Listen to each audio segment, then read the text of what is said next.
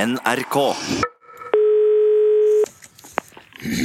Utslagsnes transport og førsteklasses skarvehatter til fordelaktige priser med kvittering. Vær så god, du snakker om Ståle. Ståle Utslagsnes, hva sa du nå? I- Er det Nilsson? Ja, det stemmer, nå er du på radioen. Ja, perfekt! Du, vet du, altså, det her, Nil- det her er en milepinn, altså mæle, måle, Det- merke på, en, s- altså det er, Tenker du at det er en eh, det er mile... en fette bra dag, Nilsson. Ja, så bra! Ja, vet du hva det er? Jeg tror, jeg tror det er den beste dagen siden han Charles Roger i pølsebua ble sittende fast i luka og måtte såpes inn og dras ut bakveien med vinsj. ja, det hørtes ut som en veldig bra dag. Ja, nei, du vet, Nilsson, noen ganger så lønner det seg bare å ta hendene i sin egen sak og sette en strek i taket og si at nå må dette her rett og slett bare fortsette. Ja, ok, Har dette noe sammenheng med at du planlegger å saksøke staten og Mattilsynet for å få lov til å selge eh, skarvehatter igjen? I- Ikke, ikke planlegg, Nilsson. Planla! Å? Jeg planla å saksøke. Nå gjør jeg ikke det lenger. Ok, Hvorfor har du ombestemt deg? Det, det er ikke jeg som har ombestemt meg. Det er Matoppsynet som har ombestemt seg. Ja, men he- Har du fått tillatelse til å selge hatter nå? Yes, compress, you bet to Koldal. Det er back to business as usual. Wow, det må jeg si. Hvordan skjedde dette her? Hvor- øh, Hvorfor kom den tillatelsen nå plutselig? Nei, altså, Matoppsynet innså vel at de eh, har vært kavidioter og endelig tatt til fornuften. Ja, når fikk du beskjed om dette her?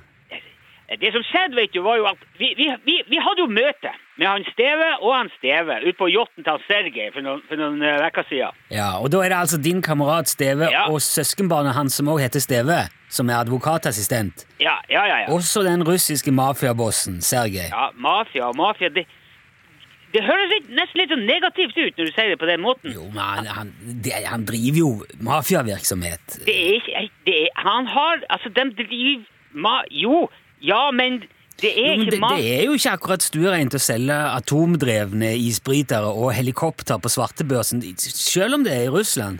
Nei, det er kanskje ikke det, men det var ikke derfor han Sergej var på det møtet. Nei. For han har saksøkt det russiske forsvaret før og vunnet, så han har erfaring, ikke sant?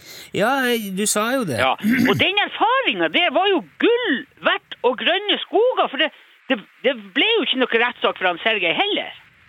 Den Ja, gang. så, så han har ikke saksøkt det russiske forsvaret likevel, da? Nei, han laga forlik! Jaha. Ja, ja. De prata sammen, og så var- ble de enige om at han Sergej skulle få noen milliarder rubler, og så var det greit. Ja, det, det der høres så eh, ambiguøst ut, Ståle. Det, Ja, jeg er ikke lov å være ambisiøs heller nå lenger. Nei, ikke altså, ambiguøst, altså, hva skal jeg si? Det høres tvilsomt ut. Ja, du kan tvile så mye du bare vil, det er helt sant. Jeg, jeg, jeg tviler ikke på at det er sant at han gikk inngikk eh, forlik. Jeg er mer usikker på hvordan han fikk til det forliket. Ja, det kan jeg fortelle. Han Sergej har en kar som heter Antonov, som jobber for seg. Jaha. Han er så- en slags eh, ja, forhandler, kan man si. Forhandler.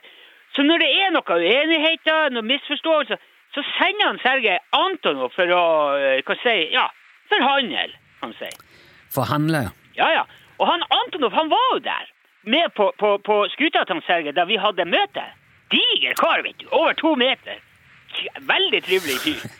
Dette her, altså Og det var faktisk han Antonov sjøl der som foreslo at vi skulle ta, ta en prat med Matoppsynet før vi gikk til rettssak. Bare for å sjekke liksom en siste gang.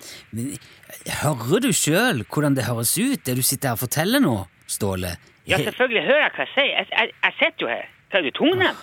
Kjære folk. Så vi sjekka jo i papirene ifra Matoppsynet, så fant vi navn på han som er, var sånn der em, saksbehandler. En kar ute i Vesterålen. Sortland eller noe sånt. Og så sa han Antonov at eh, eh, nå skal dere bare vente litt, så skal vi se hva vi finner ut. Og så for vi hjem. Ja, så istedenfor å gå rettens vei, som var planen, så sendte du like godt en russisk torpedo til Mattilsynet? Pedo. ja. Han, Antonov er forhandler. Ja. Hva skjedde da? Nei, det her var jo forrige fredag. Vi snakka jo på telefon før vi, vi for ut der. Husker Ja, du det? jeg husker det. Det er- Det er mange Colafei-lyttere som fikk med seg det, Ståle. Ja, ja, ja. Så han Steva han Steva og jeg for jo bare hjem.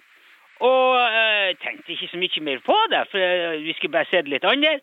Og så på tirsdagen etter så kom det altså eh, brev og ei pakke fra Matoppsynet levert på døra med bud.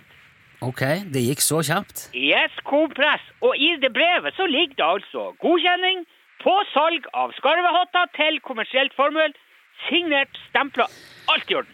Ja, det må jeg si var effektivt levert. Helt fantastisk. Hvor fikk du i den pakken, da?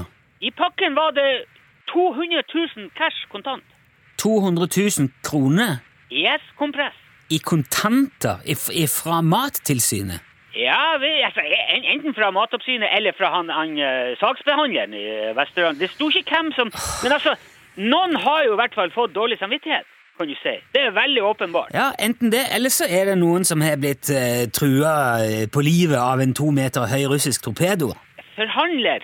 Forhandler. Ja, kall det hva du vil. Jeg, Ja, jeg kaller det forhandler.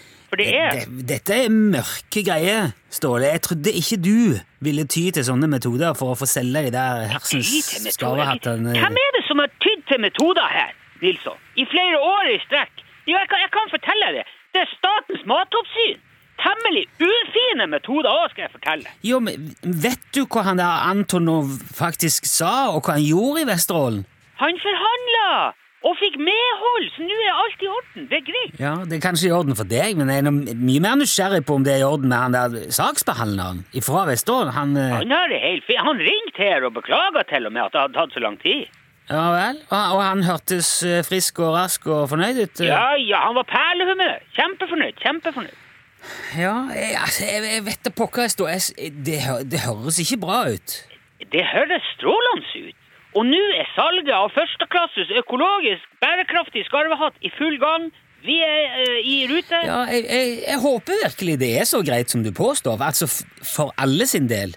Ikke bare Ja, du skal ikke tenke på det der, Nils. Nei, Brua ligger under vannet, vi er ferdig med det. Nå ser vi framover her. Greit, men vi, vi, vi får eh, runde av der, og så får vi heller snakkes igjen på en annen fredag, og så Ja, ja, den Ja. er grei. Vi, vi, vi, vi prates på. Ja, hei, hei. Ja da. Hei. Hei, hei nå. Hei nå.